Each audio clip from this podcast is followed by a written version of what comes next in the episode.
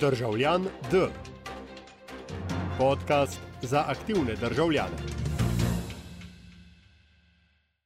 Welcome, everybody. Uh, it's uh, 20th of January uh, 21.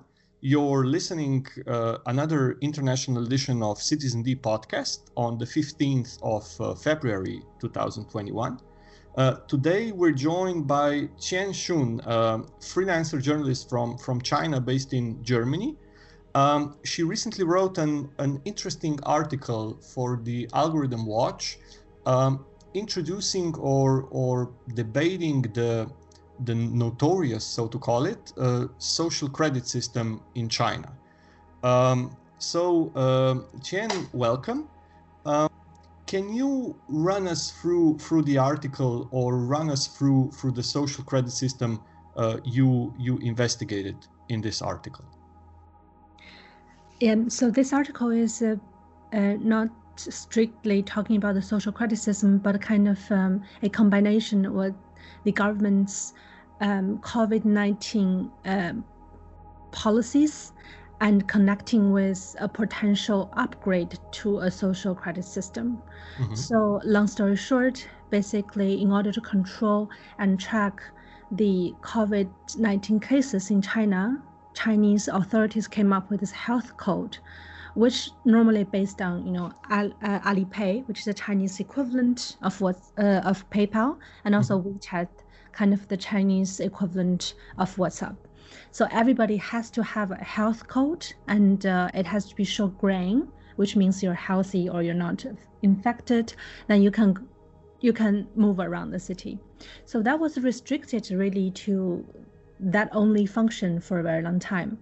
But then Suzhou, this city, was kind of became the um, the attention of the country for a while because the city's authority would like to upgrade this health code to a civility code or a civility score, if you will, mm-hmm. that documenting not only your the citizen's health situation but also de- uh, also connected with social behavior. For example, did you take your trash on time or did you donate blood? So, you know, like con- a bit in the direction of what the social credit system that the media has been reporting about and also what we have seen in some other countries. Um, but this connection with a code that's already active that people use every day, and with this image that social credit system can be directly connected to it, kind of sparked really debate and pushbacks, not only just in Suzhou, that city, but nationwide. Mm-hmm.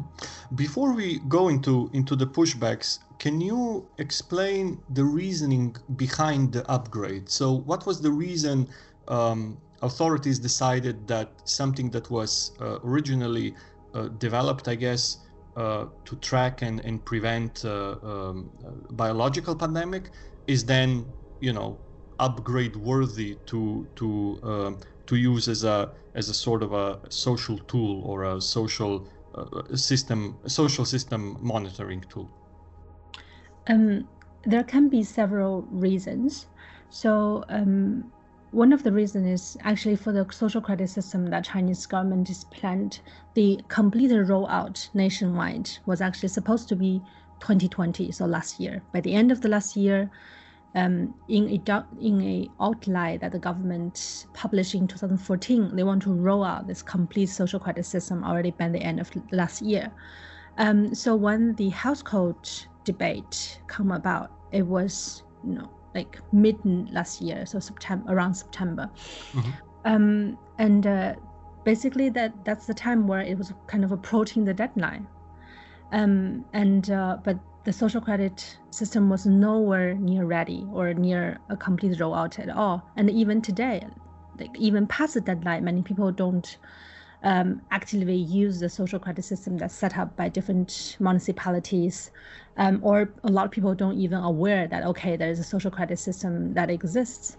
Mm-hmm. Um, but this pressure that come from the central government and to the local municipalities, which essentially is the institutions or the body that execute the plans come from the central government, they feel the pressure once mm. in a while and they feel the need that first they have to show that we've accomplished something in roll out the social credit system And another thing is whichever city that has a better performance in terms of execution of the social credit systems or even building a certain infrastructures would make them stand out as the ones who correspond to the central government's orders or central government's outlays um, as a very active member. So that's why um, there are different reasons that kind of contribute to the decision from the Suzhou City Authority. Uh, and because the house code, so we can think that the social credit system right now is a bit like an empty shell in many cases, where you have this uh, infrastructure somehow there, but the citizens are not really using it. But at the same time, anyway, in order to prove to the central government something has been done, the empty shell has to be there. So that's about the social credit system. But for the health code, it's something hmm. everybody's using. So it's already integrated into their daily life and everybody has it. It's almost like their national ID hmm. for the time where, you know, the COVID was really uh, still prevailing in China. Hmm. So how do you want to turn this empty shell system to something that people use? So I think that's why Suzhou sort of said, okay, it's going to be a great idea if we just combine them. And it's- it looks like we just upgraded the house code, but it's actually going towards that direction. We can connect these two things. So I think that was the sort of the rationales behind the government's decision. how is this solved on a on a legal let's say basis do you i mean did the government provide legal framework first and then place the um, actual uh, actual system in place or did it legitimize it you know in a way that the government set something up and then said okay we're going to write this thing that already exists in in in the law and then that will make it uh, legal or or non-problematic Yeah, I think um, you've actually pointed out a very central question with the current social credit system debate, which is it lacks a really fundamental and centralized um, legislations. And that's also so it has several guidelines that are issued. Okay, so said okay, we need to build a social credit system, and then there are issuing further guidelines in terms of okay, we we need to improve it. But the thing is, because there is no uh, a basic law in terms of there's no a constitutional level of social credit law, which gives a lot of room for misinterpretations and also it gives a lot of room for things to go to all different directions that out of the central government's control. So it actually goes to a kind of a model where Chi- Chinese government practice its um, power in a way, where uh, when certain things are rolled out, they will pick several small cities as a test, as a project, and then when they test it out, they will gather feedback, and after the gathering feedback phase, they will, they will make a a law afterwards. So the hmm. legislation comes a bit afterwards, and that's what what what's what social credit system is. So they pick out different test cities and says okay different cities and different ministries because if you want to build a, a comprehensive social credit system then it also involves just not one ministry or only the central government body per se it, involves all different ministries Can I can I just jump in with a with a short question? What's a small city in in China's terms? So how many people are we talking about? um, it's a very relative term, but I, I wouldn't say. Um, so you can imagine that, um, for example, a size of Berlin, which is about three, four million people, Mhm. would consider definitely not a big city. Okay. So- Because uh, coming from from a country that has less than two million people in its entirety, uh, we sometimes have to be reminded of, of the scope. What's what's small and big in, in China terms, just Sure. to just to make that clear. Okay, so but how do how do these systems and you've mentioned several uh, ministries and and government uh, um, government offices how do they coordinate is there like a central digital china something ministry or is this done via the the central government Um, so um, there are so if we can summarize very sort of briefly that Mm. the social credit system was used to be planned only for financial use or financial issues. That's why Mhm. the central bank was one of the leading organs for the system. But later on, that it became a little bit bigger than just a financial realm. It stayed out, like it's kind of expanded also into integrity, you know, in, expanded to the social behavior and so on. So another very important body uh, called China's National Development and Reform Commission. Mm-hmm. So it's one of the central government's most powerful administrations, also um, kind of involved, and also actually start leading the project. So there are two central government bodies that leading this social credit system. Mm. And how how is the the uh, social credit system uh, supported by technology? So who's providing the actual, let's say, software and hardware and uh, tools to to enable it? And right now, it's not really clear that, um, for example, there's only one or two. So it's a mix of a like cluster of different things. Because the social credit system was leading by the government. At the mm-hmm. same time, there's a very active private sector involvement. Um, so for the private sector involvement, obviously they have own, their own infrastructures and everything, and the government side will build their infrastructures. And one of the major problems is also linked back to your earlier questions. There is no central law, central legislations, and mm-hmm. also there's a lack of coordination between different parts. Even mm-hmm. these two government bodies, you know, the central bank and this um, reform commission, they don't have a clear communication methodologies to communicate these two systems. So I know that when people think about it, I think, okay, China is a country big in AI, big in data, has really central authorities. And whenever, if they want to, when they use these technologies on social credit system, it's going to be very powerful and very scary. Mm. But at least for now, the reality is they haven't started using much of the, for example, AI technologies and, and big data to analyze the profiles of social credit system.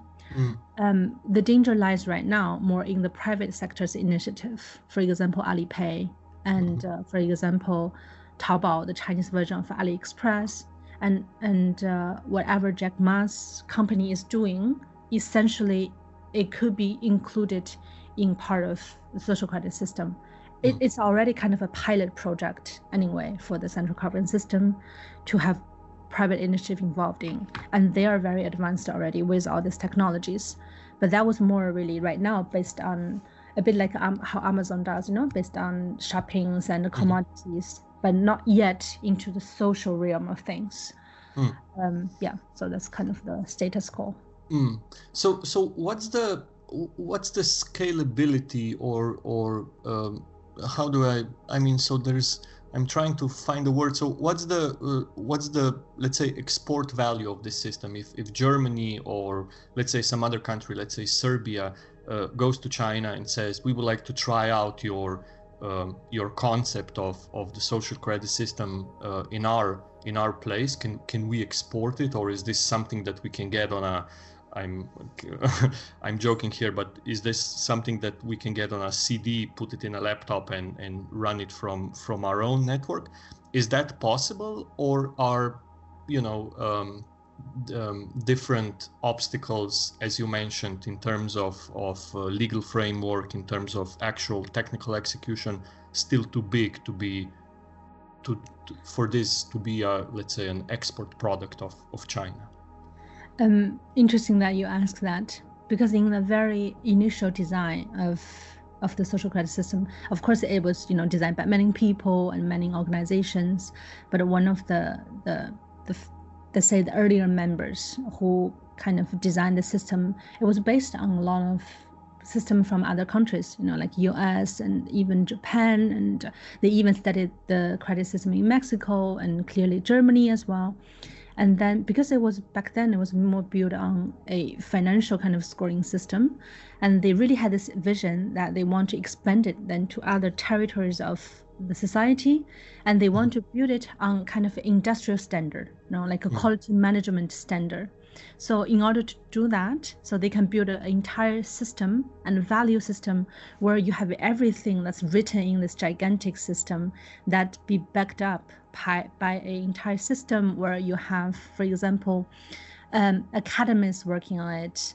and professional qualification system where you have a talent supply system and also you have this bible where everything's written there to Mhm. define okay if a person is well behaved or not and then once it forms this industrial standard known as one of this iso 9002 or Mhm. 3 industrial standard for you know evaluating people and society and city and government so the social credit system is not only just for individual but also government you know entity companies Mhm. and once you have this entire system developed then it's definitely transferable so if you have Mhm. basically have this infrastructures that everything can be quantified then it's a system where it can be exported to um, anywhere that any city can or Mm. any other countries could use it but Mm. that's what the what, uh, that's their vision Mm.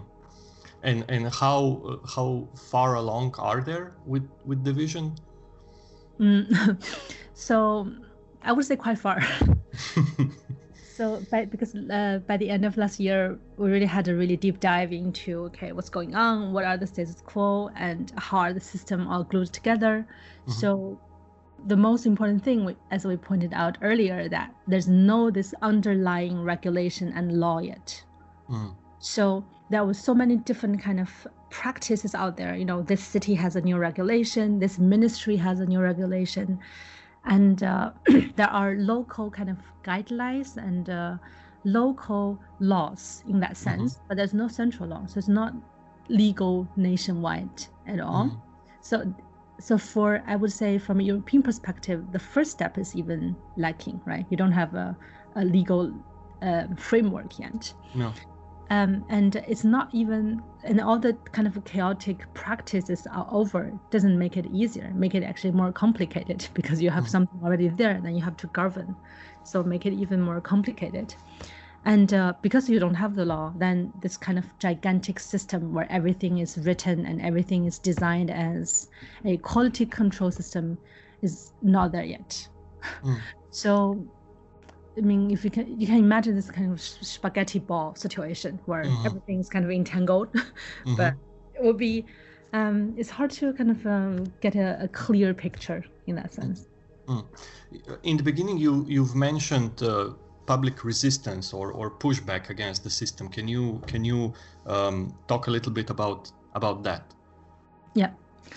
Um, so, and I think a lot of people, so very interesting kind of situation is it seems like whatever the discussion outside of China is definitely more alarming than what's going inside of China. So people always, a lot of people in outside of China were aware there's a social credit system, and then they're really concerned, you know.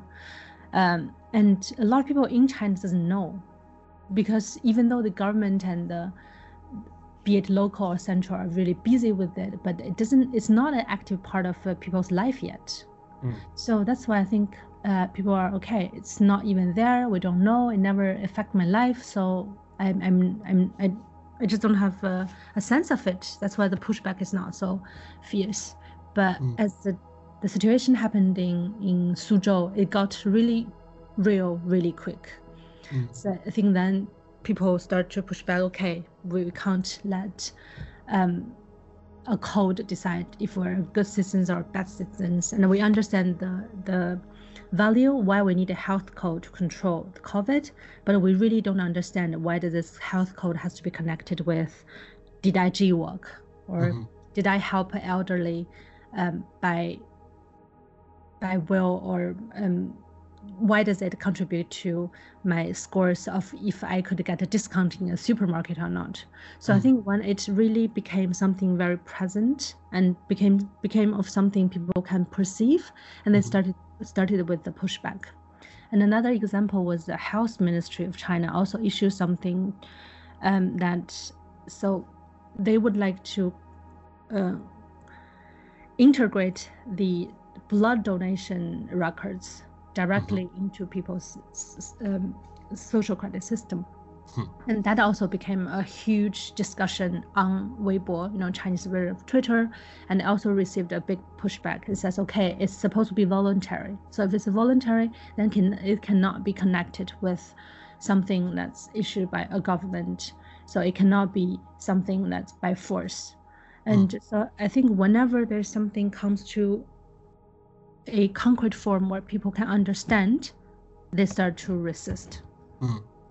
Uh, one question that that uh, is often debated in in the West as well is this um, uh, dichotomy between uh, systems enabled or developed by private sector and system developed by the public sector. So usually you have this east-west division where, well, now we I think the the trust level has dropped significantly on the government and on the private sector side.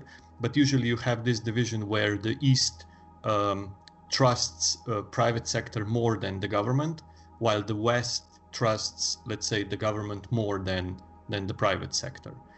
Would you say the the pushbacks in China would be less, um, let's say, less enthusiastic if this uh, this strategy or this development would be coming from like actually coming from from the private sector.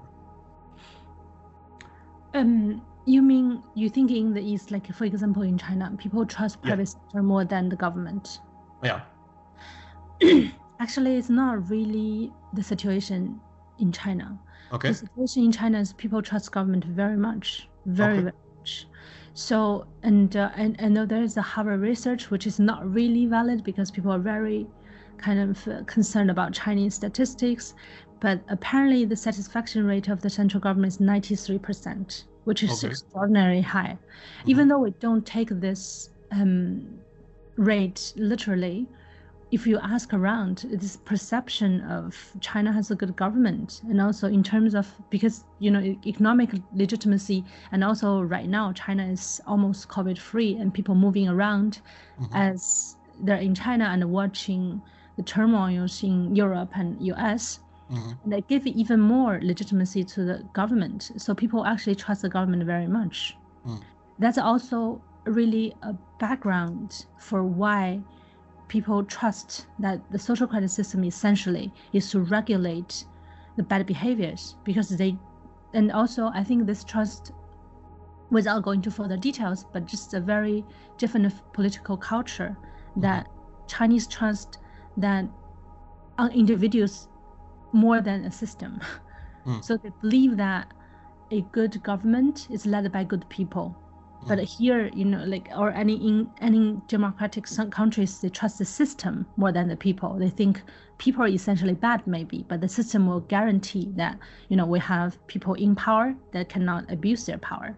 Mm. But Chinese mm. would, based on a very simple logic, that they think people on the position would use their power to do good things for people. Mm. And, and yeah. yeah, sorry go on. No, I think uh, that's also actually the fundamental political philosophy lies behind the social credit system because they believe that, um, you know, like the goodness and badness that can be actually um, somehow outlined there. Mm, true. Yeah. Um, you you you already you already mentioned the the COVID pandemic. Um, what's the influence or what's the connection between the COVID pandemic and the enabling of, of these systems or development of this system? Do you think the, the COVID pandemic pushed things uh, further along?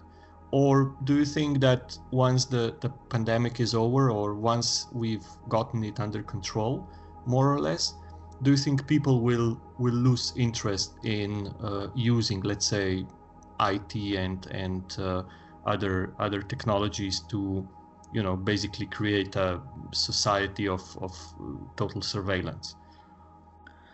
Um i think for so i think it's actually a kind of um, hard code truth is yes china is doing much better right now in terms of controlling the pandemic than most of the countries and sadly most of the democratic countries. Um it's very tricky. To almost feel like the pandemic is a big gift to an authoritative state like China. Hmm. Because mm. what's the way to control it? It's really just uh, lockdown. Like lockdown is the most effective procedure in that sense. Mm. And uh, only China, unfortunately, had this structure and power to really shut down an entire city in one second and make sure nobody goes out and nobody gets goes in.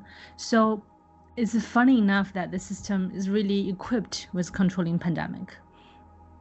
And uh, because the system helps to control the pandemic so well compared to other systems, and it gives the government a really good narrative to tell, a very good story to tell. Okay, see, that's our the advantage of our system, and also, I mean, this system enables this value that the needs of many outweigh the needs of the few, Mm. which is very different than the philosophy here that says, okay, every individual's right is respected. But there is, okay, if we guarantee 20 people can live, that the one people can die. So it's just a very different um, kind of uh, philosophy in that sense. But Mhm. that it was not really valued for a very long time here, right? Because we think everybody's life counts. Mm.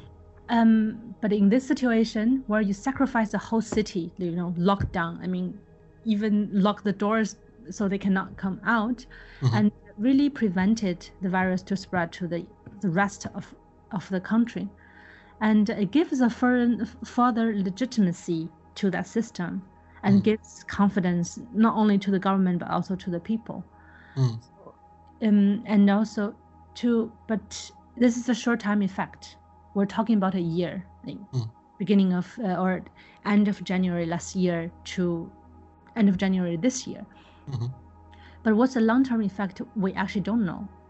We don't know yet. Um, for example, as you mentioned, the civ- is the civilians staying, Mm. and the, the further kind of legitimacy may, may um, like legitimizing that sacrificing fewer people just to guarantee um, a majority. If that value persists, how many people will be sacrificed in the future? Mm. And I think it, it, the long term effect we actually don't know yet. So maybe we can say that China wins the battle, but does China win the war? I think it's actually quite hard to tell. Mm. And and to slowly wrap it up, or or uh, to bring uh, this debate about, uh, what do you think will, let's say, happen in in in this um, area of, of discussion? So um, IT and uh, information technology being used to um, to in a way limit the, the pandemic, but also to enable surveillance state. What do you think will happen this year? So 19, uh, 19, 2021. We all hope it's 19 something. so we can I- go I out and travel. I, I keep saying it's uh, 2020 plus one because this doesn't feel like a real new year, so it's more of a like an add-on to the previous year. Yeah. yeah, but definitely. feels a what do you think will, will of happen this year? Yeah. um, I, I think um, um, because of this central control is kind of legitimized in China, and also the surveillance is uh, is harder than ever. So a lot of techniques and a lot of things will will be here to stay. Hmm. Um, but uh, it's also independent of the the COVID. Uh, the surveillance is very heavy already. Hmm. And for example, all the cameras on different crossroad and and as the they call it camera country or ca- land of cameras. I think it's there to stay.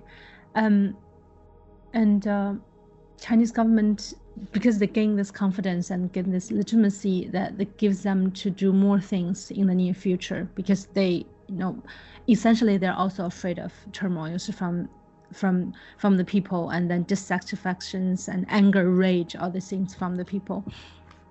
So it definitely um, are also careful and taking account of people's opinions. It's not like okay, we have a central government, we don't care what the people think. They do. Mm. They also know that essentially the success of a country depends on the people, so they're carefully observing it. And what I want to point out is it's just a lot more nuanced than people think. Like, There's so many different layers of Chinese society, and there's so many discussions right now. It seems like it's not connected. It's not uh, pointing out to the danger of the attack, for example, or it's not pointed out to the surveillance per se, but it, it pointed out to how the society is thinking. And this kind of anti authority way of thinking one day will lead to something. And there's right now in China, there's a lot of discussion on overwork and forced labors. And also there's a lot of discussion on a delivering app. I mean, we think delivery app is really small, but in China it's big, considering the population and how many people are ordering deliver delivery food. Mm-hmm. It's a really gigantic company but because their model based on the deployation of the riders, you know, like the riders has no right, and mm. they it sparked a huge discussion that involves every sector of the society, and it's not isolated event.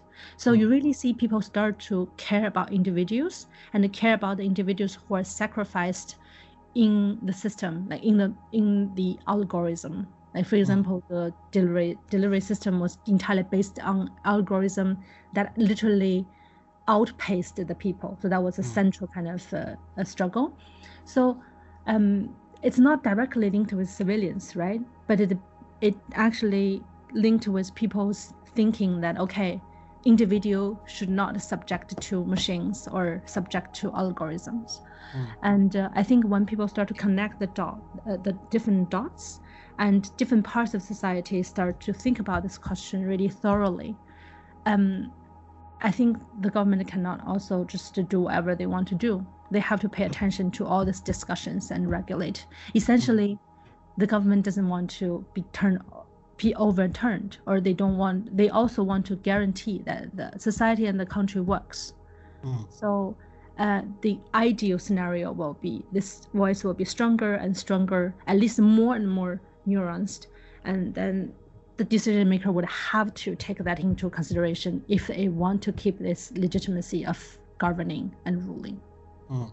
And, and one one final question. So coming from from Slovenia, which lies sort of on, in the in the Balkan region, and seeing the the developments in in Serbia related to let's say most obviously the Huawei, but also other um, Chinese enterprises what's the what's the deal with China in Balkans basically?